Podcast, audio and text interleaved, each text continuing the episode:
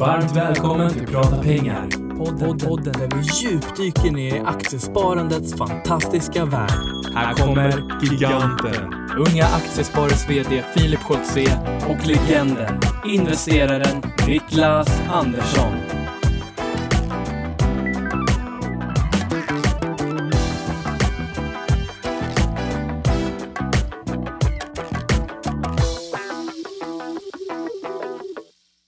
Då säger vi varmt välkomna till podden Prata pengar. Nu är det avsnitt 37 Niklas.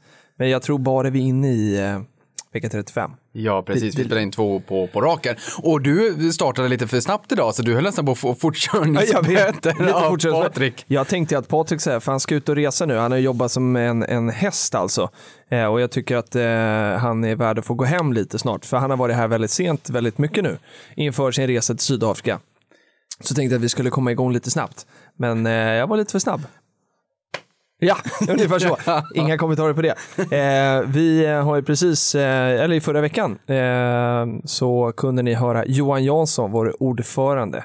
Eh, och det avsnittet har vi precis spelat in. Och nu har vi en ny gäst. En helt ny gäst. Undrar om det här också är eh, poddpremiär för den här mannen. Ska jag säga hej här? Ja, du kan säga hej. Jag tänkte Hallå. först kanske att du skulle så här nicka och så skulle Ja. jag, eller så. Jaha, Eh, nej, jag catchar inte den. Nej, faktiskt inte. det är inte Eh, poddpremiär. Men då gör här så här. är ju, eh, det, det, faktiskt, jag har ju poddat tidigare. Jag, jag var med och drev en podd faktiskt. Åh, herregud. Eh, men det här är ju back in 2012. Och nu när du säger det så vet jag faktiskt om det här. Ja, det har nog sagt till dig tidigare Ja, kanske. exakt. Och jag har nog faktiskt Men det var inte lika. Du, städad man som- får inte backtrada Man får sådär. inte backtrada. Men nu ska vi, nu ska vi ju... Eh, Sök eh, inte upp den podden, tack. Nej, jag, jag ska försöka klura på vad den heter under så ni kan söka Så upp den här. hashtaggar vi den under Ja, det var någon sån här, eh, ja, strunt samma. Varmt välkommen till Prata pengar, Alexander Gustafsson. Tack så mycket och hej. Och även fast det här då är din första gången som vi hör din vackra stämma i den här podden så har du blivit omnämnd många gånger. Oh, det värmer att höra. Ja. Kul. Eh, Och det är då du ska säga, ja jag vet, för jag lyssnar alltid på den här podden. Men, så var ju inte fallet då. Jo, men jag, jag har lyssnat någon gång faktiskt. Jag, jag kan Ja, ärligt säga att jag kan inte lyssna på alla Nej. avsnitt. Det är så många bra poddar där ute. Det är det. eh, Och du och jag tjötar ju varje vecka i alla fall, nästan. Men då har jag lite tips att om man sätter på eh, podden, sätter in i öronen så, så lyssnar man på oss när man sover. Så hjärnan registrerar Mm. Ja, ju även fast man det. sover. Mm. Och man är- kan också säga, det har vi pratat om förut, man kan höja upp speeden, som min mamma gjorde. Ja. Ja, det är också ett bra tips. Ja, för där har jag hört många studenter gör eh, för att plugga till tenta, att de sätter in eh, i örat liksom, och Mm. så lyssnar de på det där natten igenom och sen så någonstans finns det där i bakhuvudet. Ehm, Tror du på det Ja, verkligen? alltså ibland när, när, när tjejen sätter på morgon-tvn i sovrummet och sen så vaknar jag och Jenny. går till jobbet, Jenny, vaknar jag och går till jobbet, jag bara fan, jag, jag känner ju igen alla de här nyheterna, var kommer det ifrån? Då har jag liksom malt och marinerat in och så här, åh, igår så sålde vi 15 kilo äpplen här i Härryda och ja. Ja, jättekul. Ja. Och varför vi pratar om dig Alexander i den här podden är ju för att, eh, hette den Bakispodden? Ah, fan också. Yes. Helvete. Yes! ja, men det, var inte, det är Ja. inte så farligt som det låter. Nej, nej, nej. Men nej. vi får se om vi klipper bort det här, vi får se om Alexander tycker det är okej. Jag Men blir det- lite nyfiken sådär på min bakispodden, Subsol, visst är det den man brukar ta som vätskeersättning va?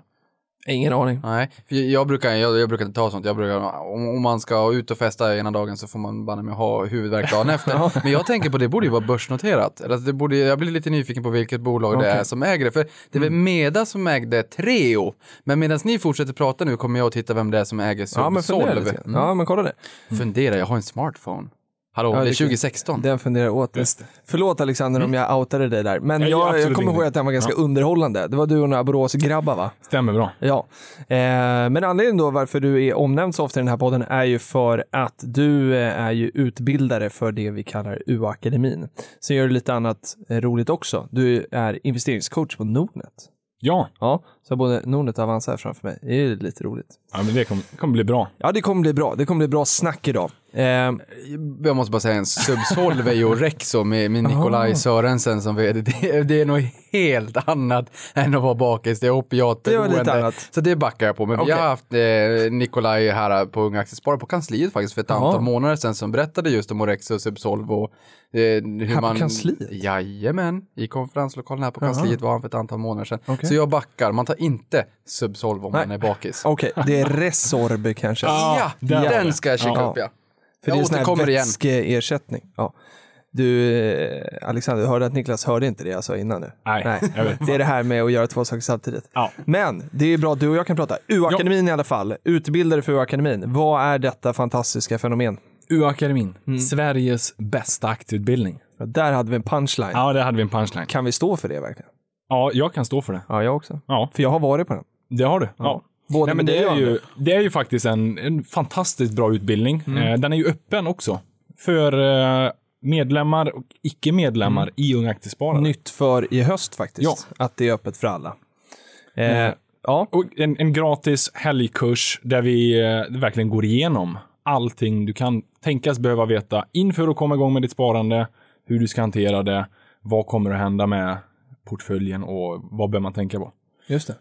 Och, hur, ja. Och Ja, då vill jag ju bara säga att jag flög ju faktiskt ner från Boden eller då Luleå och Kallax för ett antal år sedan. Flög ner hela vägen ner till Stockholm för att gå de här och det var de första som vi hade då 2007.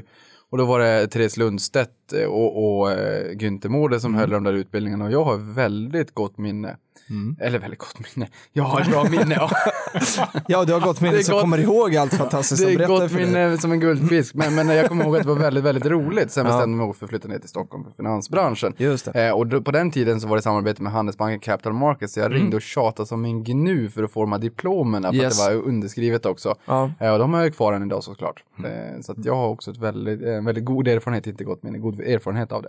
Jo, men faktiskt. Och det är en uppskattad utbildning. Och det är för, för mig är ett fantastiskt arv att få, få bära vidare. Eh, Och var det tio år sedan, det vill säga. Det är nio Ja. år sedan det här när jag var, flög ner 2007. Ja. Så det har ju varit, det är ju en anrik utbildning inom förbundet. Det är det verkligen. klart. Men hur är upplägget då? Alltså, vad, en, en helg säger du. Vad, vad är det som händer under den här helgen? Ja, först och främst är det två helger. Så vi har en grundkurs som är en helg. Mm. Och den är vad namnet säger, det är en grundkurs. Så att du kan komma För dit. en nybörjare helt enkelt. Jag skulle säga både för en nybörjare, du kan vara ett helt öppet blad. Ja. Men även för den som har handlat, den som känner sig någorlunda bekant. Det är en helgkurs. Du kommer att lära dig enormt mycket. Saker som du inte kände till sedan tidigare. Nej. Men där tar vi det hela vägen nerifrån botten. Privatekonomi och sen går vi igenom allt. Vad är en aktie? Vad är en fond? Hur fungerar räntemarknaden? Hur fungerar börsen? Vilken kontoform ska jag ha? Vad är makroekonomi? Eh, och lite sådana saker. Och sen då har vi ju en påföljningskurs, den avancerade kursen. Just det. Vilket också namnet antyder, där går vi in på mer fördjupning. Så där ställer jag till och med kravet att där bör man vara lite bekväm. Man bör förstå vad börsen är, man bör ha handlat. För där kommer vi fördjupa oss både i analysmetoder, fundamental teknisk analys, få en känsla för det. Hur hittar man köpvärda aktier? Och sen kommer vi också kolla på derivatprodukter. Eh, Hur fungerar optioner, terminer, börshandlade produkter. Så man får en känsla av, av de det större finansmarknaden. Och, men skulle du säga då att om man går den här grundkursen, är man redo att gå den avancerade kursen då? Eller måste det vara massa erfarenheter emellan? Nej men absolut, har man gått grundkursen, den är hel helg, då är man redo för den avancerade. Och, och precis som du säger här, då så är ju det här har funnits, ja, som Niklas var inne på, i, i över tio år eh, och varit exklusivt för medlemmar. Men nu för i höst så öppnar vi upp det här för alla. Sen är det ju så att vi är ju inte i Globen, så om alla liksom lyssnare nu är beredda att komma, och då räcker inte ens Globen. Då får vi ta Friends Arena eller någonting sånt där. Eh, Ja, jag är öppen för det. Ja, du är öppen för det. Kör det, på. det här hade ju varit superkul. Men vad ska vi säga, en helgutbildning är kanske, vad brukar det komma? 50-100 personer? Ja, däromkring. Någonting sånt. Så det är ändå ganska liksom eh, tajt och det finns liksom möjlighet att ställa mycket frågor till dig och i pauserna. Man får ju hänga med dig egentligen en hel helg och med alla kursdeltagare. Och med lokalavdelningen, de Ja. ideella i den orten som anordnade. Eh, Det är ju de som är eldsjälarna bakom och fixar allting. Gör så att det är en helg där du kan få ta in kunskap och Ja. lära dig allt möjligt. Men då kan vi säga så här att, så att antalet anmälningar är inga problem. Eh, det är utan, eller ja, hur ska jag säga det här nu då? Eh, lokalen är inte vår begränsning. Blir det, vi anpassar lokal efter hur många som anmäler sig. Så blir det nu alla 20 000 som kommer lyssna på det här avsnittet som anmäler sig, då löser vi något. Det gör vi. Jag hoppas det verkligen. Ja, eller hur, Gå Niklas? in och anmäl vi. Då löser vi något. Så in och anmäl nu bara. Eh, The sky is not the limit, som man Nej. brukar säga. Exakt. Vi kör ju uppifrån Luleå hela vägen ner till Lund. ja, det är en hel turné. Men ta med er egen mat som eh, Ove Sundberg hade sagt. Så kan man göra. De, våra lokaler brukar bjuda på lite fika och sådär. Ja. ja. Det, det där var bara ett roligt skämt. Jag var tvungen att svänga mig med någonting. Men det är ju jag som lite skrattar. brasklapp här då för, eh, för våra, eh, liksom, det är ändå för våra medlemmar, Mm. alltså i medlemsålder. Så någonstans så, så, så upp till till och med 28 där så är man ju varmt välkommen. Men sen har vi också haft lite roliga undantag där det har kommit eh, barn är det ju, som Mm. är liksom 8-9 och de har ju tagit med sig sina föräldrar och det är ju helt okej. Det är en helt annan sak. Absolut. Mm. Och yngsta som jag har haft som gick helgen, Mm. det var faktiskt en nioåring. Nioårig tjej, det var i eh, förra hösten. Mm. Och jag tänker ju så här, om ni inte tänker själv, när man är nio år, Hur ska man kunna det här? hur ska, hur ska man kunna, Eller ska man kunna lära med sig, ja. en hel helg? Där jag går in och pratar om aktier, och stamaktier, preferenser. Hon satt med. Mm. Båda dagarna. Hon satt och lyssnade. Och ibland satt hon och frågade sin pappa. Det var någonting viskade. Mm. Förklarade han kanske någonting extra. Men hon satt, hon satt igenom hela. Riktigt imponerande. Superhäftigt. Ställde hon frågor också? Jo, eh, men inte öppet. Hon Nej, ställde okej. frågor i pausen. Ja, okej. Men det är ju helt Det är okej helt också. Mm. Jag kan ju tycka att det blir lite jobbigt när jag tänker på det faktum att om hon är nio Mm. Och jag är, vi, vi, ni kan censurera den här ålderssiffran jag säger nu här sen, de är ju 29. och och då, det är ju rätt jobbigt att hon har 20 års placeringshorisont Ja. fram till att hon är lika gammal som vad jag är. Ja. Hennes Ehm, portfölj kommer vara fetare än vad din är. Åh herregud. Det hinner hända mycket på 20 år.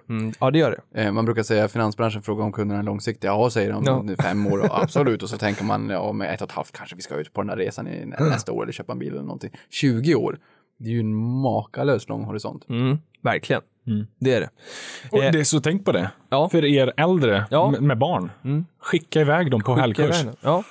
Så löser vi det sen. Jo, det där är ju ganska intressant. Man brukar ju säga att vissa föräldrar lever genom barnen. ja, men förbaskat, de har ju en längre horisont. Lev genom barnen, investera genom barnen. ja, det är faktiskt en smart grej. Kanske inte, ja precis. Mm, Ja. Nu kanske Men- skattmasen är lite snällare också. Ja, men precis. Men som du sa då, från Luleå i norr ner till Lund. Vad, hur ser turnéschemat ut för hösten? Jag, jag, och nu kräver inte jag att du ska kunna alla datum, för det kan man gå in på. datumen. Ja, du in kan och det. utan till. Då kör vi. Ja, men datumen specifikt, jag kan säga dem i ordning. Och vi, bör, ja, eller vi börjar i början av september Ja. Mm. med Luleå. Och sen så kör vi eh, Göteborg, två kurser. Och sen så hoppar vi över mot Stockholm. Och sen så är det Växjö eh, och eh, Jönköping, Stockholm och sen så är det ner till Lund. Häftigt. Och sen Uppsala där. och så Uppsala däremellan. Så det finns ju liksom, det finns ju massvis av tillfällen att komma och vara med. Och är det så att man bor i en ort som du inte nämner nu så är man ju varmt välkommen att liksom anmäla sig till någon och då kan man, och det är många som gör det också, åker till eh, den närmsta staden över en helg och hänger med på UA-akademin. Det går ju alldeles utmärkt. Jajamän.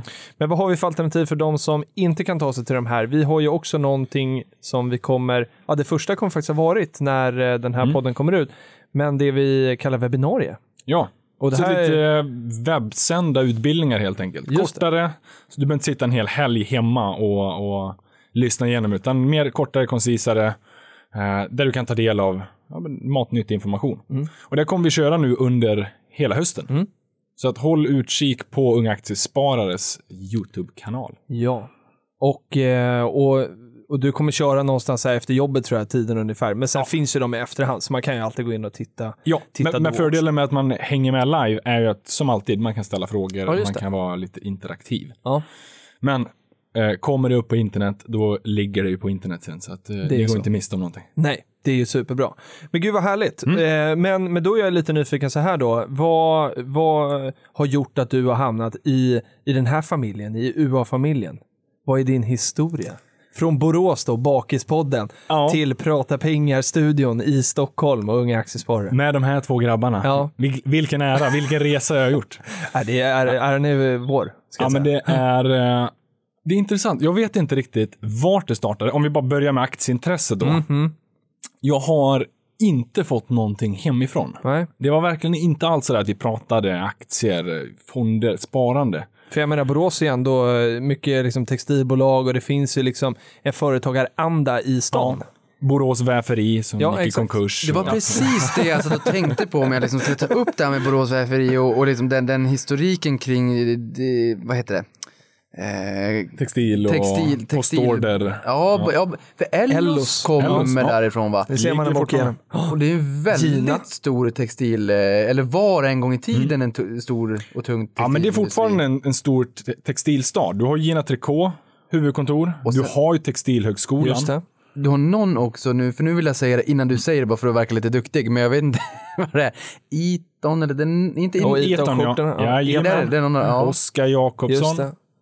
Du, det är liksom De rabblar upp bara. Man har det kulturella arvet, liksom, Ja. att det är en hubb, likt Boden var en militärstad, Sveriges största militärstad, och här har du liksom textilerna. Det finns de, om man tittar på Sverige, liksom, Ja. just historiken, att vi har olika, vad ska man säga, industrier om olika ställen. Det är lite intressant, det tänker man inte på till vardags. Nej, verkligen. Eller, ja men precis, lite hubbar ja. Ja.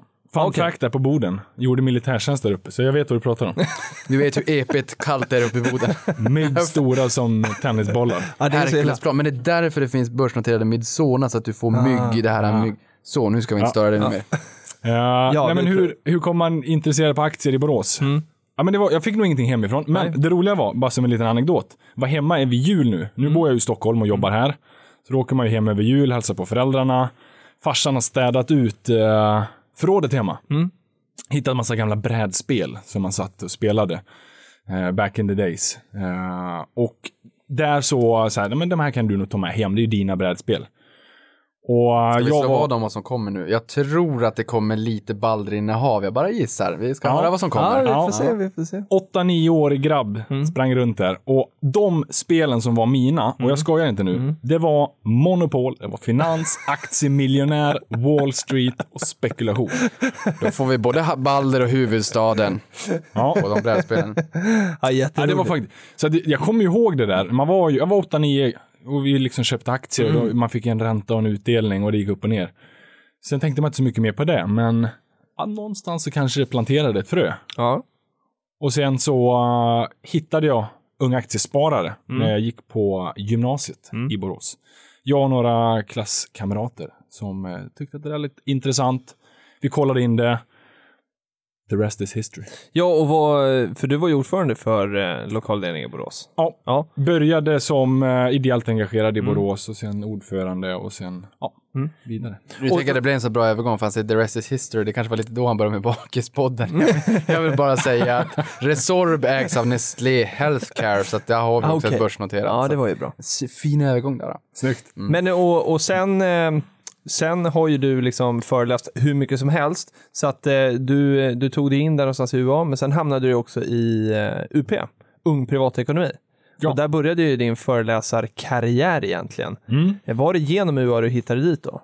Det var det. Ja. Jag eh, var ideellt engagerad i Unga Aktiesparare då. Mm. Såg en annons på hemsidan. Eh, och läste retorik på gymnasiet. Och eh, var faktiskt, höll, höll någon sån här eh, föreläsning på Mm. gymnasiet. Tyckte att det lät intressant. Jag gillar aktier. Varför inte? Mm. Slog till och eh, började föreläsa för Ung Privatekonomi. Och det gjorde du ganska länge. Två och ett halvt år. Ja. Så jag hann med en hel del eh, föreläsningar på det där. Och det är skitkul. Få ut och inspirera eh, gymnasieelever i att ta tag i sitt sparande. Och vi tjatade om det lite i podden här före, före sommaren och under våren, att sök verkligen till, till det här jobbet. Nu, jag brukar säga att det är det enda som jag ångrar att jag inte har sökt eh, hittills i min karriär är just att vara informatör för UP. För att få liksom, dels vara ute och få prata sparande och privatekonomi, eh, men också liksom lära sig hela den retoriken och, och bli trygg i att föreläsa så. Eh, och till den målgruppen är ju en fantastisk erfarenhet. Och så är det ett jäkligt ro, roligt gäng. Ja, Det är- gänget. ja. Absolut. Det är riktigt kul. Eh, och det, man gör ju någonting bra också. Det är ju viktigt, för Mm. privatekonomi är ju inte riktigt en naturlig del i skolan. Nej. Och inte för alla hemma heller. Nej. Så att det behövs lyftas. Och det är en en timmes föreläsning, så man hinner inte gå igenom allting. Man hinner liksom ta upp de viktigaste sakerna. Plantera lite frön. Exakt. Och, och, och från UP då sen så, så blev det UA-akademin. Ja, Hur länge har du kört UA-akademin? Januari 2013. Då drar jag igång eh, med U-akademin. Då har man gjort några, några utbildningshelger. 69 stycken. Det är inte dåligt alltså. Nej, Nej. det. Och då ska vi säga här att Alexander är ju en jäkla sparkrigare. Eh, jobbar då liksom till vardags på, på Nordnet, måndag till fredag. Eh, som eh, de här 40 timmars vecka, liksom ett vanligt heltidsjobb. Och sen varje helg då i princip så, så reser han land och rike runt och föreläser för våra medlemmar och nu också då potentiella medlemmar. Eh, så att jag, jag känner nog ingen som arbetar lika hårt för liksom sparandet och, och aktie, ja, eller aktiesparandet då, som du. Det skulle väl vara Niklas i sådana fall då. Ja, det känns som att jag Ja. måste instagramma min vardag lite mer här, hör jag. Money never sleeps. Ja, men det är ju samma, liksom, Niklas är också väldigt engagerad, men liksom, du, le, du reser ju verkligen land och rike runt eh, hela tiden. Och Men det, det är fantastiskt kul. Ja. Så det, är inte, det är inte synd om mig någonstans. Nej, det det är jag ju, eh, jag kan inte hitta en mer tacksam publik. Nej. Någon som avsätter en hel helg Mm. för att få, få lära sig mer. Vi hinner ju djupdyka och ta alla möjliga eh, sidospår Mm. och utforska. Så att det är, det är fantastiskt kul. Och det är det som får mig att göra det. Ja, och det, för jag har ju varit på, på några av de här utbildningarna och det som jag tycker är fantastiskt är att det är väldigt schysst stämning. Eh, lite som med tjejer som gillar aktier, att det är Eh, och, och, och någonting som jag tycker Alexander är väldigt duktig på, att liksom hålla det på en schysst nivå så att det kan sitta liksom deltagare i lokalen som är på lite olika nivåer, men, men ändå liksom kunna fånga upp de enkla frågorna och också det som är lite mer avancerat. Eh, och med det vill jag säga, liksom så här, var inte rädda för att gå dit. Och jag trycker på det igen. Liksom, gå till U-akademi, för det är, ni kommer lära er någonting under den här helgen. Ja, och det här är ju otroligt roligt det vi faktiskt Mm. gör. Jag menar, jag tror att det, det som någonstans är den gemensamma nämnaren att när man börjar komma till det nördstadiet att det här blir mer en livsstil och det är ju otroligt roligt precis som som Alexander säger när människor faktiskt tar sin tid är, tid är pengar och den ultimata valutan här i livet är ju faktiskt tiden, inte pengarna. Mm. Nej. Och att man då faktiskt tar en hel helg och sätter sig ner och lyssnar och vill lära sig mer. De har tagit ett stort steg framåt mot att faktiskt lära sig mer om, om aktier och fonder och, ta, och liksom lyfta sin privatekonomi till nästa steg. Och det Just är det. ju mer imponerande eh, egentligen de som, som faktiskt gör det. Det är otroligt kul att se att det är så pass många människor som är intresserade av att faktiskt lyssna till och lära sig mer. Och, Och börsen är ändå stängd på helgen. ja, exakt. Varför inte? Ja, ja, ja, precis. Det finns någon exotisk liten marknad som är, som är öppen på helgen. Jag tror Israel. Ja, Ja, men då, då tar man ju liksom den tiden till att liksom bilda sig så man är ännu mer skarp när, när börsen öppnar på måndag. Sen. Ja, och Yes. det, gör, det ger ju energi. Och se människor ta den tiden. Det, så det, det, ja, jag förstår att du tycker att det är kul. Men vad är vanliga frågor från liksom, publiken när du är ute? Vad, har, har du något så här top of mind bara, jag har inte förberett dig på det här, men, men som du vet, den här Men frågan brukar alltid komma. eh, Det är verkligen, det är högt och lågt för det är en hel helg. Men eh, jag skulle säga att den kanske absolut vanligaste är den här rädslan för risk. Kan, jag, kan jag liksom förlora alla mina pengar? Och det ska jag säga, bara testa en gång. Hitta en handfull aktier, köp dem och kolla efter en timme. Hur, hur mycket har hänt? Ofta så har det inte liksom slagit till Nej. så där mycket. Så den här rädslan för att det är mina riktiga pengar, ska de försvinna helt och hållet? För jag sparar i det här riskfyllda aktier. Och så är det ju inte riktigt. Nej, där skulle jag också vilja flika in att det snarare Börje Ekholm, Investors gamla vd, det har vi sagt många gånger, men vi säger det igen, att den största risken är nog förmodligen att stå utanför marknaden Ja, långsiktigt. att inte ta någon risk alls. Exakt, vi håller inte med Magdalena Andersson hon säger att den absolut bästa investeringen är att amortera på bostaden. man verkligen. skulle väl kunna säga att om man sätter pengar i madrassen, det är lite grann som att inte borsta tänderna, då får man hål för det blir karies. Det är samma sak Ja. med pengarna för det finns inflation. Även om vi har en generation som knappt har sett varken ränta eller inflation så finns den där. Det är inte bara ett spöke utan det, fakt- det finns faktiskt. Ehm, så den största risken är väl liksom kanske långsiktigt att inte investera pengarna. Och jag vet precis som du säger där, min lillbrorsa också, han som de facto även kallar Scandi Standard för kycklingpojkarna då. Ha- han eh, kunde när han började komma igång med sitt sparande, han är byggare så det, det och, och, och inte sagt med det, men vi, men vi bröder, två av oss är lite börsintresserade, eller jag är börsnörd och sen har jag fått en bror lite mer börsintresserad och den tredje är mera byggare och en riktig byggarnörd ska jag då dessutom ta och tillägga. Men han har blivit lite intresserad av ekonomi och han kunde ringa upp, nej Niklas, nu har det gått ner här, det ner 3 procent. Jag bara, jaha, du har liksom en mikroskopisk andel, du behöver ett Hubble-teleskop för att se din exponering i börsen. Alltså jag kan knappt se de pengarna du har i portföljen för att det, det är så otroligt liten slant i förhållande till de pengarna du kommer ha när du är äldre. Hur mycket har du gått ner? Ja, det är tre kronor. Här, Ja, men Våga göra misstag och liksom hitta de fina bolagen och spara långsiktigt. Mm. För alltså, det, det är ju en jätteliten peng han har idag i förhållande till vad han kommer ha i framtiden. Det är, om börsen går ner idag Mm. och drar med sig fina bolag ner i fallet som man kan köpa till lite mer reapriser Mm. Så är det nästa, det är ju bara att tacka och ta emot. Men om du är 60-65 och ska leva på pengarna Mm. och börsen faller 50% och du har riskfyllda tillgångar som faller 80 Mm. kanske. Det är inte så kul. Nej, det är tuffare. Mm. Så det gäller ju liksom att anpassa det där efter livets gång någonstans. Och, och det här för oss eh, osökt in. Det här var riktigt, det här är kanske den bästa övergången någonsin. Både det här med hur man ska anpassa sig eh, ekonomiskt efter livet och också det här med Magdalena Anderssons att amortera. Eh, bra Niklas. Det, Plötsligt händer det. Plötsligt händer Ja. det. Nej, det, det brukar chocka mig, så att det här är, det, det är inget konstigt. Men eh, vi fick ett mejl i somras, du och jag, eh, från Rebecka. Eh, och Rebecka skrev så här. Eh, Hej Niklas och Filip, jag hoppas att detta mejl kommer fram till er. Eh, och ja, det har det gjort. Jag har också svarat Rebecka på mejl. Eh, men vi får mycket mejl och om vi inte svarar liksom inom en timme eller 24 timmar eller på en vecka eller två veckor så, så är det för att vi får väldigt mycket sån här kommunikation. Nu blir lite orolig för min chef heter ju Rebecka. Och en eh, kollega på legal-avdelningen Nej, heter nej. också Rebecka. Nej, det, det är det nog inte. Jag, jag tänker inte outa jag, efternamn. jag, jag skojar bara. men, eh, Men de heter faktiskt det. Ja, vad roligt. Det är bara jag som skrattar. Men så här är det då i alla fall att, eh, eh, jo, nej, men vi, vi svarar till slut, så att, eh, var inte oroliga.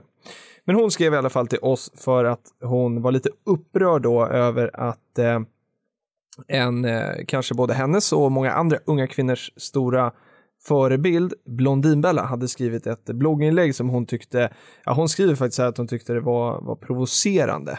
Eh, och sen så sa hon då att hon var stort fan till Prata pengar eh, och till den pengareligion som vi har om man får uttrycka sig så. Det var lite kul. Lite roligt att Ja, höra. ja, ja, kollekten, det kommer information under hashtag prata pengar på Twitter vart kollekten Ja, ska. Nej, ingen, ingen kollekt. Nej, ja, jag skojar hur som helst. Eh, hon refererar då i alla fall till ett blogginlägg som Blondinbella har skrivit. Eh, där det var en 18-åring då som eh, hade skrivit in en fråga eh, och undrade ifall det var liksom vettigt att börja spara till pensionen och hade då tänkt sig att hon hade råd med en 500-lapp i månaden.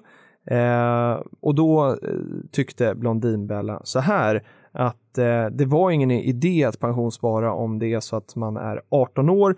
Eh, och, och, och här ska jag säga att nu har Rebecka Rebecca lyft ut lite citat så det är lite lösryckt men jag, jag säger det ungefär som det är och så går vi vidare.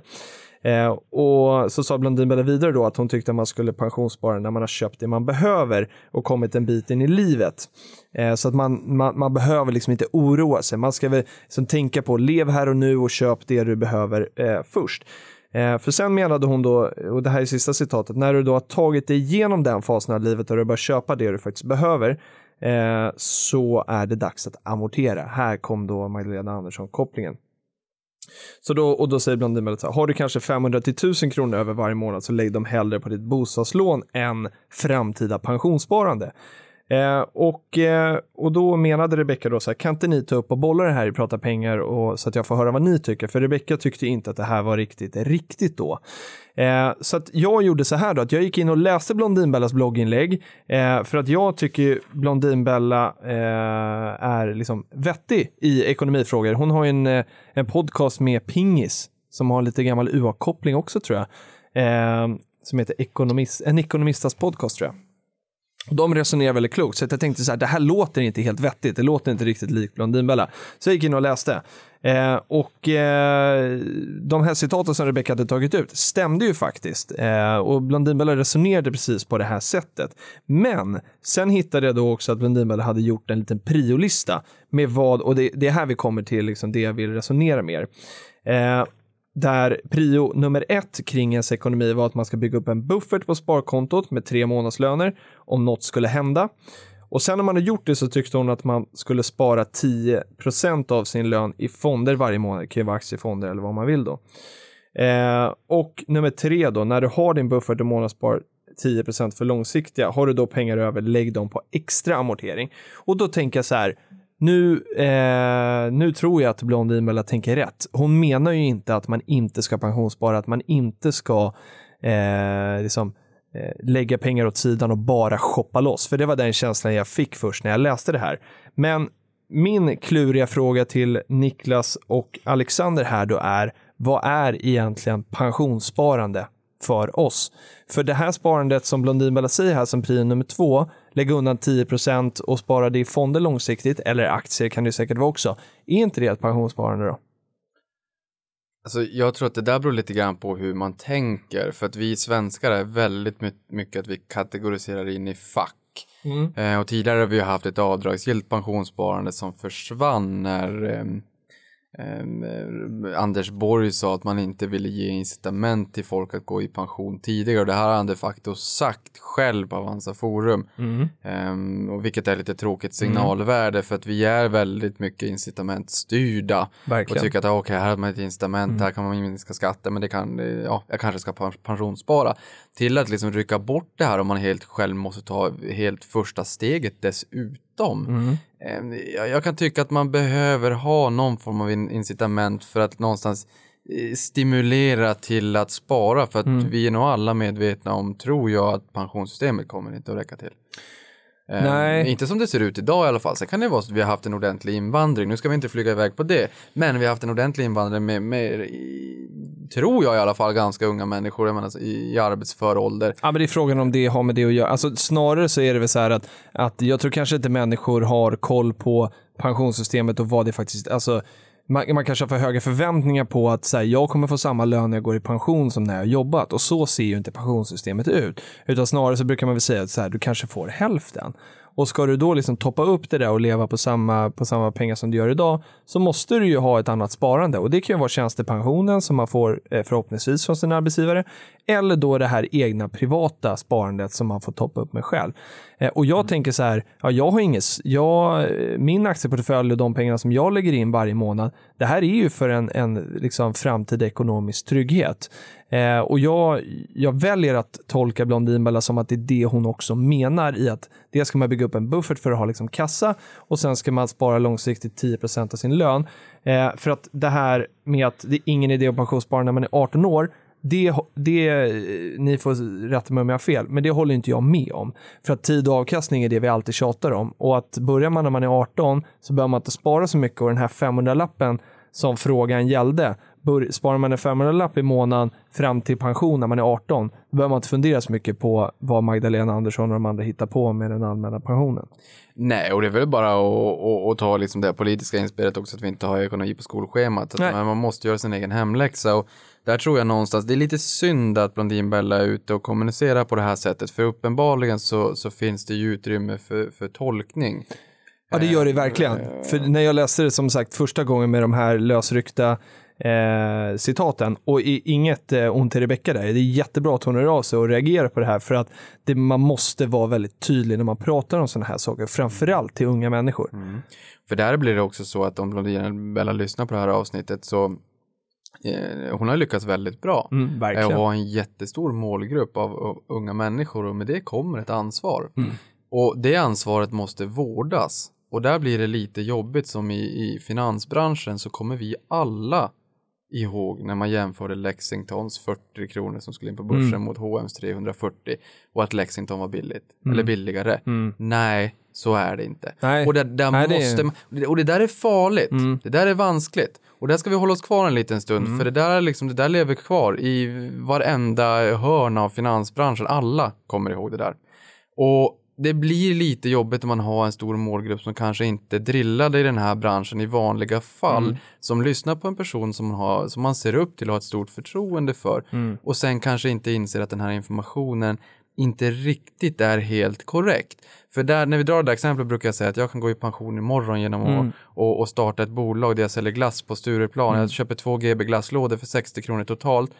Säger jag, vill du köpa en glass och en aktie i det här Mm. bolaget? Jag emitterar en miljard aktier och sen så säljer de för en krona styck så får jag in en miljard och så kan jag gå i pension imorgon. Nu raljerar jag. Jo, verkligen. Men, men det, det är lite fel att säga sådär och, och jag vet inte om det var någon PR-tänk bakom det men, men, men jag får ont i magen när jag tänker att det är många människor som lyssnar på det här som inte uppsöker informationen och inser att det kanske var lite felaktigt. Och med det sagt, hon har lyckats väldigt bra, hon har väldigt många följare, hon har, gjort, hon har haft en imponerande resa som, som entreprenör. Mm, men när det kommer till den ekonomiska biten så måste man tänka sig för, för man får inte en andra chans i alla lägen. För de människorna som lyssnar på det här kanske inte lyssnar nästa gång. Nej, precis. Och det var ju därför vi var väldigt glada för att Rebecca hörde av sig till oss och var liksom observerat kring det här och ville att vi skulle bolla. Men, men jag hävdar ändå när jag, liksom, när jag läser inlägget sen så, så är det ju betydligt mer nyanserat. Så det är ju lätt när man liksom rycker ut ett citat att så här, okej, det var det här det handlade om. Eh, men men jag, jag vill liksom inte att vi ska så här, prata rätt och fel, utan snarare så här, hur funderar vi kring pensionssparande? För det är det som är den intressanta frågan här. Eh, och där håller jag, om Blondinbella menar att man ska inte pensionsspara när man är 18 år, så tycker jag att du tänker fel.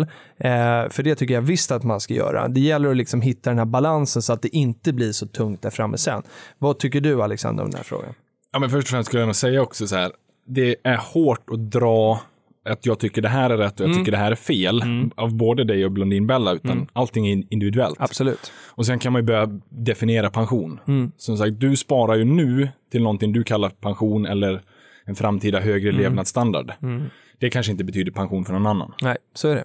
Men, men det jag skulle säga är, eh, jag tror vi alla kan råda överens om att pensionsspara, det ska man inte göra idag i de här klassiska IPS eller Nej. privatpension. Nej, faktiskt, det, där är jag helt med. Men då är det sparform. då är det sparform. Ja, Men spara till pension, det är eventuellt. Och, och jag skulle säga då att, ja, där är intressant. Det kanske var det hon menade. ja, Ja, det skulle det kunna vara. Ja, det jag, var inte, jag take. tänkte den där tanken faktiskt. Men det jag tänkte säga var, eh, om vi bara pratar ålder, Mm. om det är det hon syftar till, att 18 är för tidigt, Mm. då håller jag med. Då är det ju helt fel. Finns ju det här klassiska, om, man, om det var i eh, Buffett eller Grahams bok, den här med personen som sparade från 20 år fram Mm. tills den var 25 och sen inte gjorde mer. Medan en annan plockade upp bollen vid 25 och sen började spara. Kommer aldrig fatt. Nej. För att den, den som började spara tidigt har fått bollen i rullning. Mm. Precis. Ränta på ränta. Ja.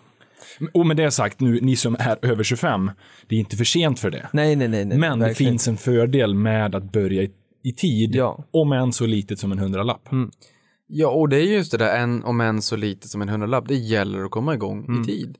Och det är tiden och avkastning, det är de två absolut viktigaste faktorerna. Slanten, pengar man börjar med är inte lika viktig. Nej. Det är samma sak när man går till gymmet, den bästa träningen är den som blir av. Eh, och, och det ligger någonting i det. Och det, det. Den här är ju dessutom, frågan är mångbottnad. För genom att börja i tid, komma igång med sitt sparande, etablera ett beteende att faktiskt spara samtidigt som man också börjar öka på humankapitalet, det vill säga man börjar öka på den kunskapsmassa man har kring placeringar. Det ska inte förringas det heller. Jag har hållit på med börsen hela mitt vuxna liv och snart hela mitt liv som jag faktiskt kommer ihåg och jag inser själv att jag bara har börjat liksom skrapa på ytan av ett stort isberg vad mycket det finns att lära sig. Så det är ju både det där att man vill komma igång i tid, tiden och avkastningen är viktiga faktorer, man vill få igång det här beteendet att spara eh, löpande hela tiden, så pass till den milda grad att vi till och med etablerat den här trenden hashtag uppe sitta kväll, vilket tyder på att vi dessutom varje månad de facto aldrig eh, tummar på det där, utan det är en verkligen. avsättning varje månad. Jajamän. Och dessutom att man faktiskt måste komma igång och lära sig det här kring sparande. Så att, att vänta, ja, jag, jag får lite kalla kårar då, eh, alltså personligen. Ja, men för frågan är också så här, hur länge ska man vänta? När känner man, för, och det var det jag tyckte var lite problematiskt med det här att Eh, som Blendivila sa, att när man har köpt det man behöver köpa. Eh, och det här kan ju vara jättepersonligt. och det är men- som att säga, gå på gymmet och träna när du har ätit upp hela skafferiet.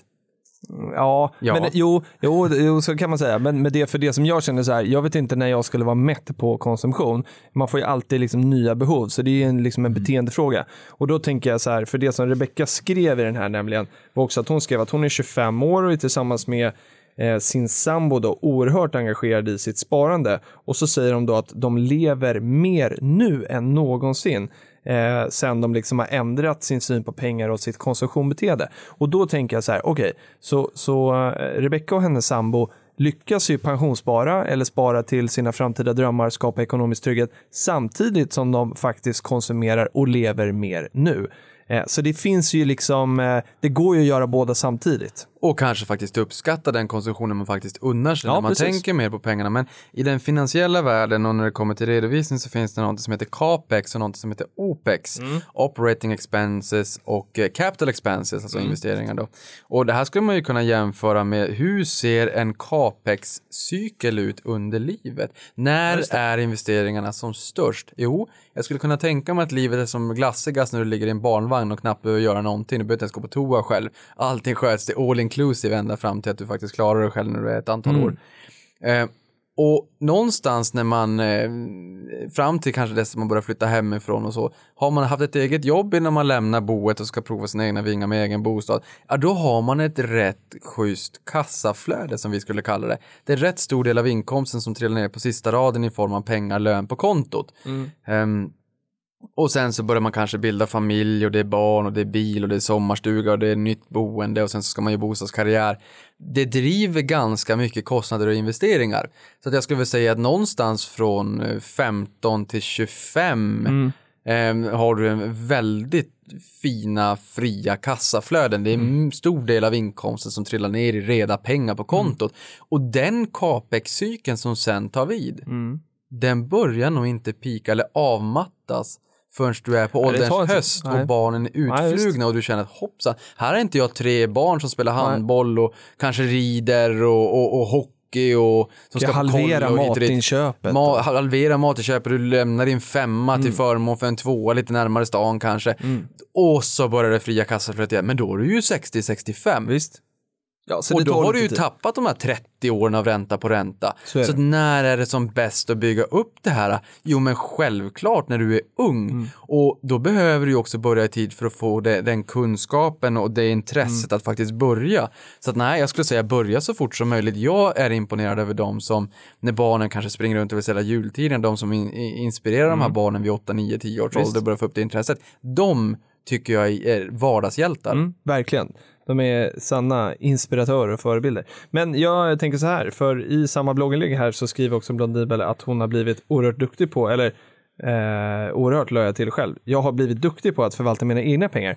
Eh, och, och det här vore ju jätteintressant att få höra mer om, så att jag tänker det hade varit roligt att bjuda in Blondinbella någon gång till Elisabella Löwengrip som hon egentligen heter, eh, till den här podden. Det hade ju kunnat vara jättekul. Så kan vi prata pensionssparande och lite pensionsålder med henne. För Jag det- för skulle det- absolut lyssna. Ja, för det är ingen självklar fråga. Alltså det här med pensionssparande och liksom vad är målet med mitt sparande? Det är ingen självklar fråga. Så man är ute på lite osäker terräng här. Nej, men det, det hade varit kul att låta henne utveckla resonemanget samtidigt som hon också är en, eh, en, en färgstark individ och kvinna. Eh, Och entreprenör. Ja. Vilket hade gjort att det hade varit väldigt intressant att lyssna till hennes reflektioner när det kommer till sparande. Ja, Eh, verkligen. Och, och även få Och liksom svar investeringar, på... för att hon är ju liksom investerar i sina egna bolag och säkert i, i andra också. Mm. Så det har varit jätteintressant att höra. Men sen när det kommer till bostaden, nej, börja spara i tid, börja investera Mm. i tid, få upp intresset och amortera på bostaden. Det är inte det bästa alternativet, men sen är det en balans mellan reala och finansiella tillgångar. Ja, så är det. Och som Blondin Bella skriver i den här så, så hon tycker inte att man ska vara belånad med 75 procent. Och det är väl en rimlig siffra. Ner till 70 i första gränsen, ner till 50 i andra. Eh, och, och precis som du säger, balansen mellan reala och finansiella tillgångar, bostad, aktier, om man vill göra det enkelt, eh, är klok. Jag känner lite grann hur långt det är ett snöre, för om du lägger en kontantinsats idag på 15 procent, då ska du sen fortsätta ta en stor del av det fria kassaflödet, lönen in på kontot för att amortera när du Ja, fast man kan ju egentligen... hålla sig till det som är lagstadgat då, 2 ner till 70 och Ja. sen 1 Man behöver inte köra extra om man inte känner för det.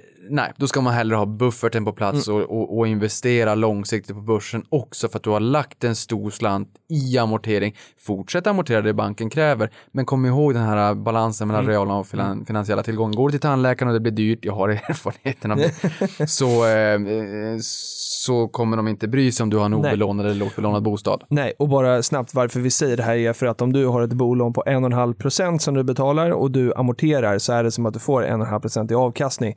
Medan liksom börsen bara i utdelning ger då kanske 3-4 plus eh, och totalavkastningen i snitt eh, jättelång tid, eh, liksom period tillbaka, är mycket högre. Det är därför vi säger det. Mm. Eh. Och sen också det här med att om det är en och en halv procent så skattereduktionen på 30 procent gör ju att det blir 1,05 då i Ja. slutändan. Måste tänka efter att det var rätt, men det blev det kanske säkert. Ni förstår. Omöjligt att få uh, luft i här inne Ja. och Ja, sticka ja, in så med är det. åsikter. Så Nu- därför, nu- så därför ska med. vi gå vidare. Vi ger han två minuter. Alex, vad, vad vill du säga nu? Du får helt fria minuter nu. Men jag ska ställa en fråga till Alexander. Ja, men kör. Fast Du- säg, ja. säg vad Alex- du tycker om det här nu först. Ja, men först och främst så, jag gillar också det här med att man kanske börjar fundera på, vi har några givna saker i livet som man kommer vilja beta av. Absolut. Alltså bostad, bröllop kanske, eh, pension, sådana här givna saker. Ja. Börja gärna i tid och spara till dem. Det är en bra poäng. För då blir det ju någonting ännu bättre av det. Ja, exakt. Det är kanske det Isabella menar här också med de här Ja. sakerna som man vill spendera på. Ja, fast då ska man ha kontantinsatsen på plats om nu man vill köpa sitt boende. Man ska Ja, ha ja. bufferten på kontot, man ska ha investeringar långsiktigt och man ska ha ett målsparande. För precis där så är det ju ofta att man kanske vill köpa en bil eller man vill gifta sig eller man vill ut Ja. på en resa. Men ha det på ett målsparande. Ja, Försök, precis. Man får liksom eh, sprida det här. Ja, försök dela upp dem rent mentalt. Vi människor är, blir väldigt mycket duktigare och mer effektiva, tror jag. Där hade Elin Helander då, kognitionsvetande, ja. kunnat mm, berätta mer om det säkert, om jag har rätt eller fel.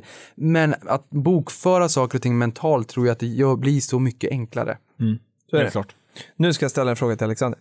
Det får du göra. Ja, och då är det en fråga som kommer från Magnus Åkesson, tror jag. Eh, Magnus Åkesson på Twitter under Hashtag prata pengar som säger så här. Hade varit kul om ni tips om seriösa och bra bloggar slash forum för aktier och fonder, förutom er då.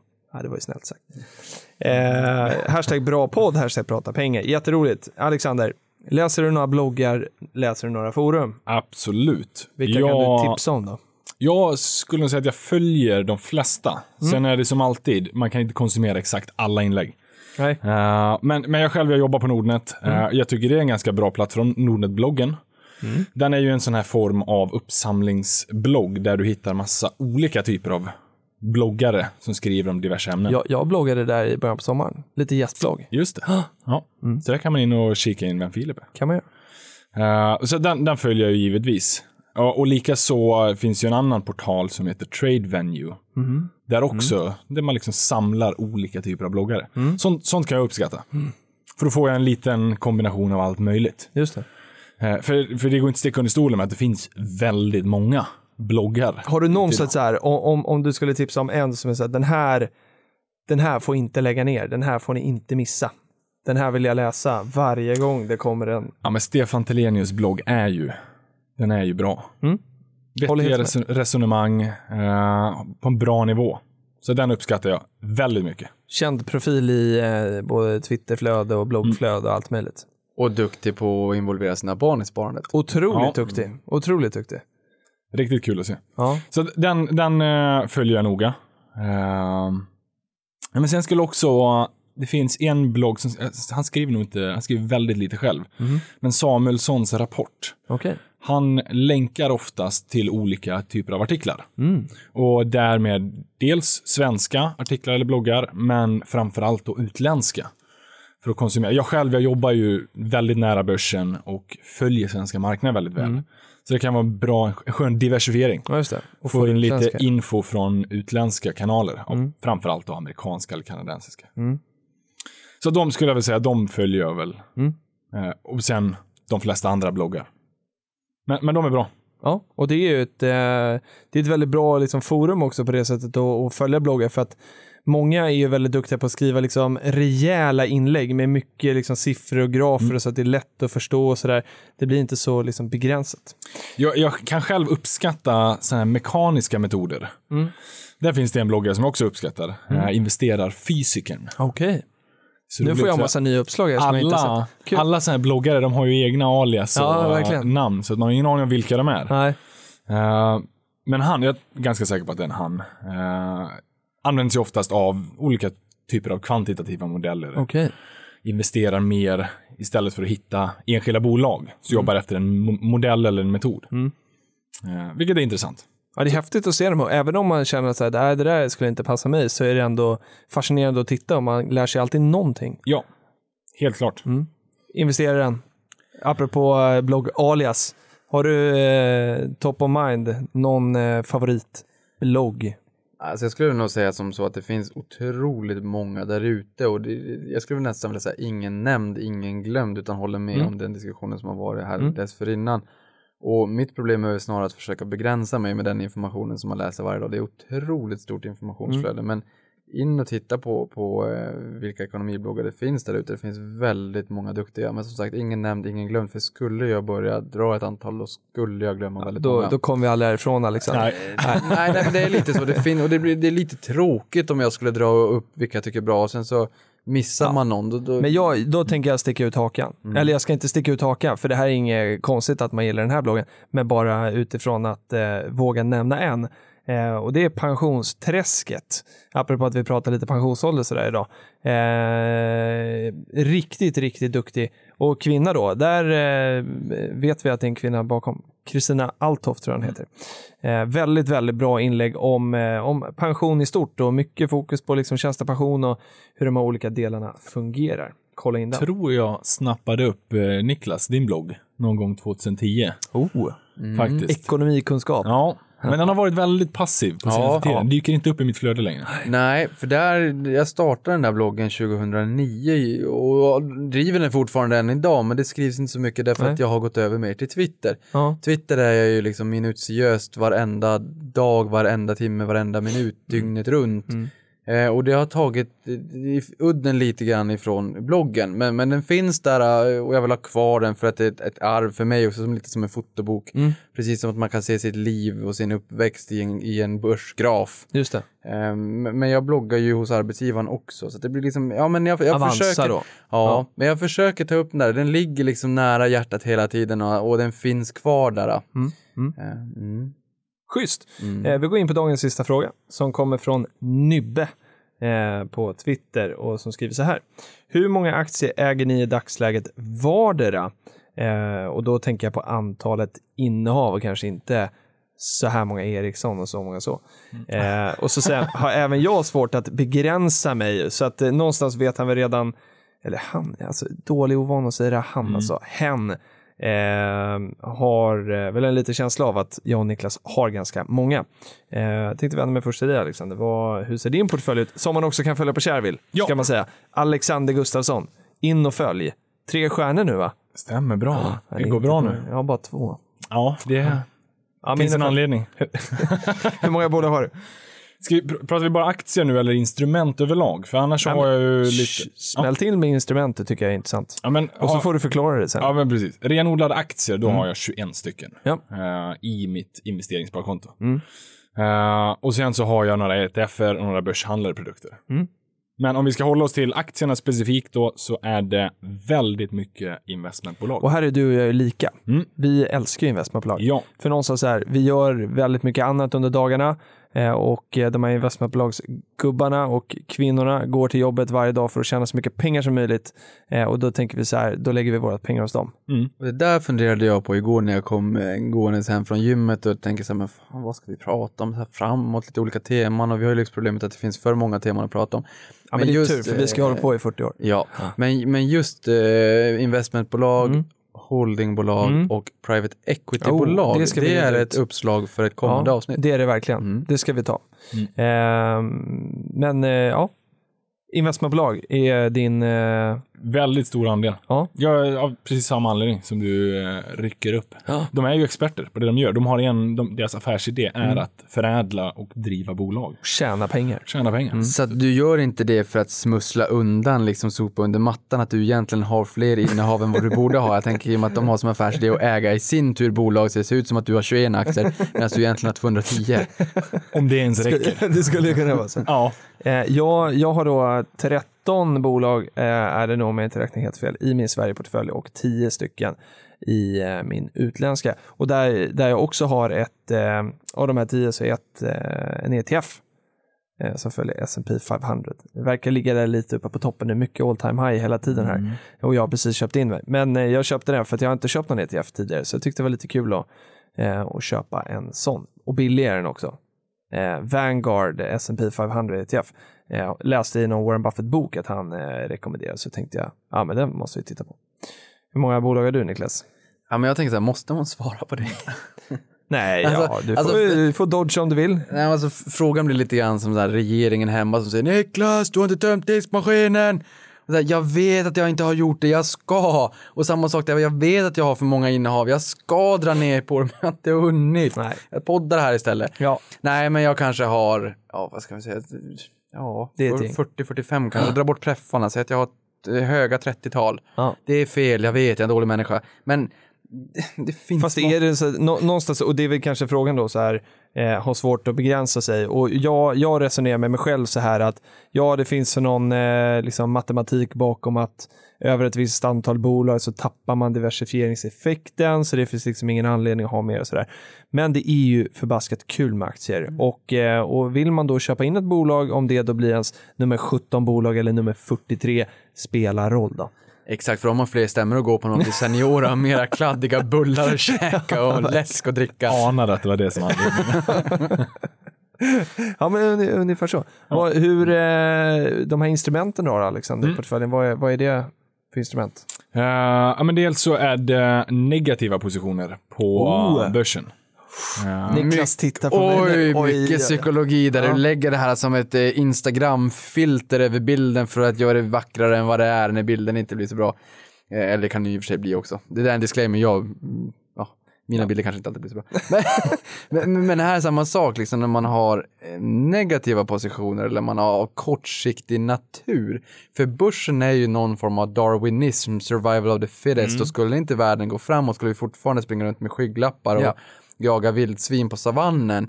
För börsen tenderar att gå framåt över tid. Sen kanske det inte är samma sammansättning av bolag som vad det har varit historiskt. Nej. Men negativa positioner, mm, Ja, det det, är vara en lite hedge. jobbigt Men psykologiskt. jag tror ju också, Alexander ska vi komma ihåg, ni är ju utbildare för UA-akademin. Han vill ju också lära sig, eller hur Alexander? Men nu ska vi inte Ja, göra en blondinbälle, ja. nu ska han ju få utveckla så att vi inte liksom sågar han han sitter bredvid oss här. Utan, men, men vi blir lite så här, mm, negativ position, kortsiktigt, det blir lite psykologi, det blir Ja, jobbigt. lite Alex, psykologi. hur fasiken tänkte du nu? Det är ju ingen som jag har stoppat undan i pensionsportföljen. Nej, utan nej. det är av enkel anledning att börsen har ju varit i en negativ trend. Och då har jag plockat in posi- negativa positioner Mm. för att skydda övriga portföljen.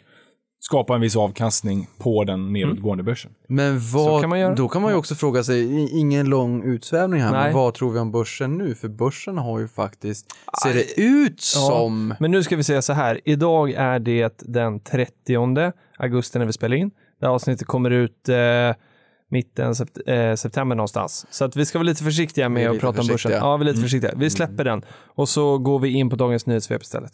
okej. Nu kör vi, du, Niklas. vet du vad? Dagens nyhetssvep på den här, jag insåg liksom att det, det där nyhetssvepet, för vi sitter ju här och spelar in Ja. två avsnitt i rad. Ja, exakt. Och jag har nog helt konsumerat Ja, ja, men veckans nyhetssvep i förra veckan tror jag. Sitter Patrik här och blir, jätteglad. Nej, men, men, men jag var ju eh, ute och Men handlade. då kan vi prata lite mer med Alexander. Ja, och jag var ute Eller? och, Ja. jag var ute och, och, och em, på, på MOS i helgen, Mall of Scandinavia. Och em, där, där såg jag, förutom inne jag körde in i parkeringshuset där, så såg jag lite Allemak-hissar, men de stod Mm. Ja, just det. still, så det var inget helgarbete Nej, där. nej, men det nej. var det, det var det när de höll på att bygga och inte riktigt var klar. Peab sa ju att man inte skulle ta stora projekt för att minska på risken att man åker på stora viten. Sen så tog de ju Mall of Scandinavia som de byggde åt Nubel Rodamco som Mm. ett fransk-holländskt bolag och blev lite försenade med det här så det blev största, både största projektet i Peabs historia och ett enormt stort vite på 800 miljoner. Men i alla fall, det jag tänkte på där var när jag var på in, Intersport eller Stadium. Jag tänker det så här, man ska kontera liksom att köpa träningskläder, att man är duktig redan innan man köper, man tar Mhm. hem segern i förskott. Men där såg jag Under Armour där inne. Och där blev jag lite nyfiken för Under Armour är ju liksom en underdog, underkicker Mm. som kommer mot Nike och Adidas och de har lyckats väldigt bra. Och Ja, då, där är ju också en spaning från eh, min sommarsemester i Kanada och USA. Och även när jag, när jag liksom pluggade där borta, där ser man ju Under Armour överallt. Eh, men det gör man inte i Europa. Ja, men då- det har börjat komma fram. ja, för där såg jag också på, på hyllan att det hängde Under Armour-kläder. Jo, men det, det har börjat komma nu sista tiden Ja. här, sista åren. Och- Men för tre år sedan när jag, när jag bodde i Kanada, då var det inte alls lika mycket Under Armour, i Sverige i alla fall. Nej. Men nu, tre år senare, så börjar det krypa fram. Och jag såg en farbror också med Under. Armour-kläder på sig och sen så såg jag hemma på ön när jag skulle till gymmet så såg jag en bil som var stripad med Under Armour. Så den där fotade jag snabbt som tusan så att jag kunde tweeta ut. Men, men intressant att se framfarten, det har varit 399 procent de senaste fem åren och sen ska man också lägga till att varken Nike eller Adidas har var, eh, Var varit några dåliga? någon dålig investering. De har varit väldigt fina de också. Mm. Eh, Och sen kan man väl också säga att jag såg en liten notis om negativa eh, räntor. Och i dagsläget är det 110 000 miljarder som handlas till negativ ränta globalt. Och det, är så här, det, det är så stora tal att det knappt faktiskt ens går att, att, att förstå hur stora de här är. Nej. Eh, men nu tänker jag så här, jag har fått in en liten fråga här att vi kanske kan ta Jag den. vet att vi har fått en sån fråga, så ta, Ah. ta den. Ja, Ah. nej, men det, är jätte, det är jättelugnt. Jag ville bara spinna vidare på den och prata medan du plockar fram den. Eh, för vi eh, fick in, om det nu är den frågan som så här, varför handlar man då till negativ ränta? Är det den du från Tyskland? Nej, men vi, kan ta, vi, kan, vi kan ta den också. Kör, bränn av den först du. Nej, men jag kommer inte ihåg den exakt, Nej, så att vi tar den nästa gång. Ja, men då tar vi en sån här. Ja. Jag har faktiskt en kollega på jobbet som, som säger att vi har, eh, vi har morsats lite grann i, i kaffekön. Mm. Och, och då sa han att, mm, nu ska vi se. Eh, Vad hur som- ja, vad hur som helst, kollegan heter August Isaksson. Trevligt. August Isaksson. Hej August. Och han sa, hej August, hur som helst har jag en fråga till grymma podcast Prata pengar och det tackar vi för. Det är alltid roligt att Mm. få, få den återkopplingen.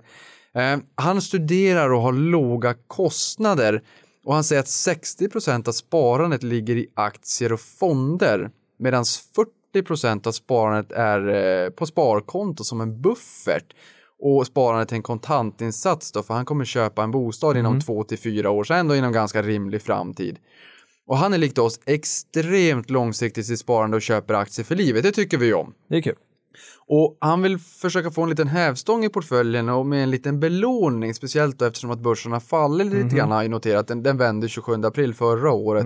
Om vi tittar på MXS30 vände på 1720, nu, nu när vi säger 1720 så har vi indexnivå, Yes. men, men den är ner i alla fall. Problematiken här, han vill ju ha hävstången samtidigt som han vill ha bufferten. Eh, så han tänker på å ena sidan kan han ha pengarna på sparkonto samtidigt som han belånar portföljen.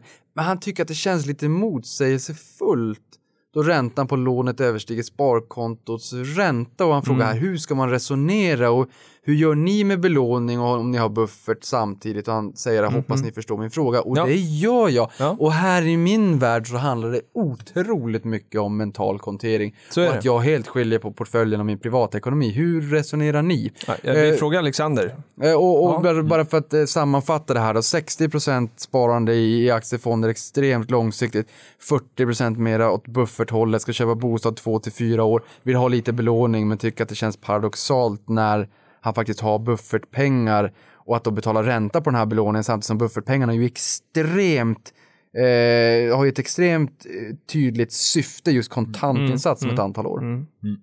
Det jag skulle säga är, ja, men först och främst, han har ju en bostad idag och vi har ju en ränteavdrag. Ja. Så att om man nu använder lite lånade pengar så kommer man ju fortfarande kunna göra ett litet ränteavdrag på det. Så är det.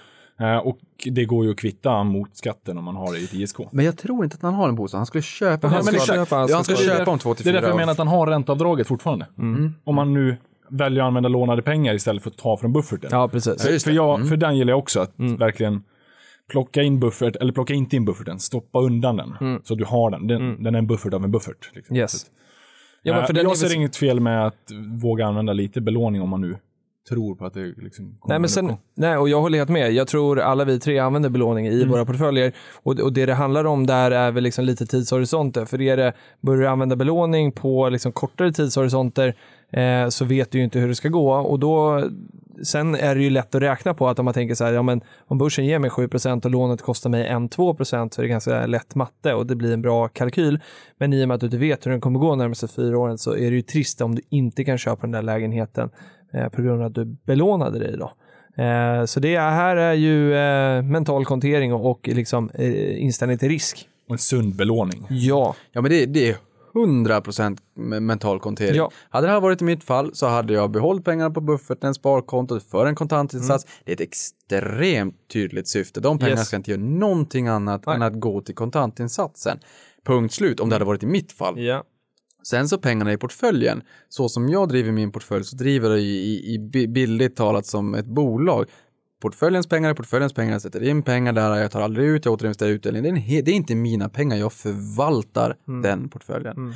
Och det gör att den här kontantinsatsen, de ska banne mig inte användas. Du ska inte, man ska, eller jag skulle inte sätta in dem på börsen för att se att hoppsan, här kom det en krasch och sen så får jag skjuta den där kontantinsatsen och bostaden ett antal år i framtiden. Nej, de pengarna är väldigt tydliga. Därför skulle jag säga att det, visst, det kan kännas lite paradoxalt att låna pengar för en belåning i portföljen samtidigt som de pengarna finns, men de pengarna finns ju inte, för det är inte pengar. Nej. Det är därför jag tycker det är bra med portföljen. Det är kapital, det är byggstenar. Jag tänker inte som pengar går börsen ner, går portföljen ner, har gått ner i år när det var sättning, det var hundratusentals kronor som börsen, eller som portföljen gick ner. Och det kan man ju alltid om man sätter sig ner och funderar, ja, det hade kunnat vara en jorden runt-resa det Visst. och det femte, men man hade inte klarat av det här om man hade tänkt Nej, så. Det, det blir inte. pengar. Samma sak med de här pengarna till kontantinsatsen. Det blir inte pengar, det blir ett medel för att kunna lägga in kontantinsatsen för bostaden.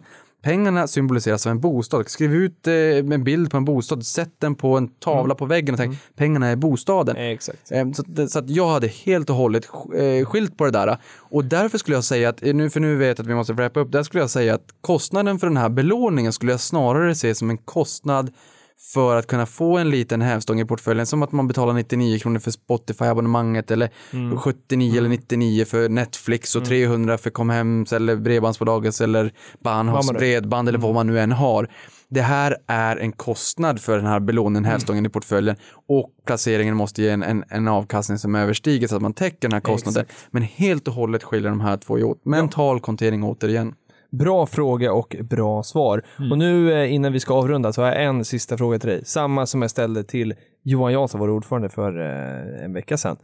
Eller ja, jag ställde den ju för någon timme sedan ungefär, men ni hör- hörde det för en vecka sedan. Eh, varför ska man vara medlem i Unga Aktiesparare? Ja, det är liksom ett fantastiskt gäng. Du kommer lära dig galet mycket eh, och engagerar du dig här, du blir lite duktig på det, då kommer du också tjäna pengar på det sen. Så det är en bra Ja, du investering. tänker att det är en investering så? Ja, en investering både i det Johan tog upp, nätverk, men också i din privata ekonomi. Eh, och Unga Aktiesparare har jag allt att tacka för mitt intresse kring aktiesparande. Så att, eh, Och vi har så mycket att tacka dig. Eh, förra året så träffade du 1100 medlemmar ungefär. ja, ett och tre tror jag. Ett och tre till och med. Eh, att jag räknar fel. Jag vill bara säga, eh, eh, grattis till båda, jättekul, det kommer en faktura. Det kommer- Nej, och du kommer träffa jättemånga här i år också och vara med oss länge, hoppas jag. Eh, tack så mycket till dig också Niklas och eh, tack till Patrik. Patrik är ju i Sydafrika när det här kommer ut. Så han ligger och Jajamän. lapar sol någonstans. Nej, han är på safari Och där kan man också tipsa om Safari, otroligt billigt Safari i, i USA, att säga. i USA, i Sydamerika. Sy, Sydafrika, förlåt. Sydafrika, förlåt. Sydafrika.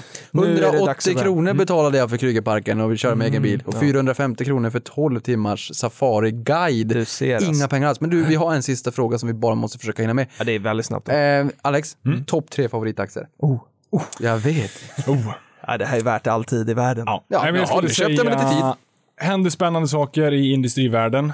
Mm. Lundberg tar ett hårdare grepp om det. Eh, jag följer det med spänning. Mm. Eh, sen, och nu kommer jag prata investmentbolag, för de är jag intresserad av. Gett 1920 procent på fem år mot börsens 584 stod det i Dagens Industri i morse. Lundberg då eller in- Industrivän? Lundberg. Ja, Lundberg. Exakt. Du säger Ja. Industrivän. Ja. Och, eh, och en eventuell... Ja, men det kanske är en eventuell merge Ja, där. Vi får okej. se. Ja, Ja, spännande, spekulationer. Eh, men jag gillar Bure också, Mm. eh, som ett investmentbolag. Har varit väldigt duktiga. Mm. Och sen så får jag nog slänga in med Kinnevik också. Spännande. Och allt det här ser man i, eh, på På. Sök på Alexander Gustafsson, tre stjärnor. Får se om du fortfarande har tre stjärnor när det här kommer ut. Eh, jag kanske har gått om det då. Eller kommit ikapp. Vi får se. Högst Vi får se. Eh, stort tack för Stort, idag. stort tack till er så Ja, att jag fick kul. vara med här. Och, eh, Du är varmt sen, välkommen tillbaka. ja, men tackar. Kanske tar upp er på det. Ja. Om- jag nu uppskattar där ute i etern. Vi Ja. får väl se. Och sen hoppas jag att vi, eh, vi ses eh, till er lyssnare. Mm. Att ni eh, tar tillfället och går in och anmäler er på UA-akademin. Det är bara att gå in på ungaaktiesparare.se och så hittar man ju akademin där. Ja. Väldigt, väldigt enkelt. Stort tack. Vi hörs igen nästa vecka. Du, jag har bara en sista grej. Nej, jag, visste bara skojar. Jag bara Jag bara skojar. Jag bara tvungen att... Ha det gott. Vi hörs. Ha det gott, hörni. Hej.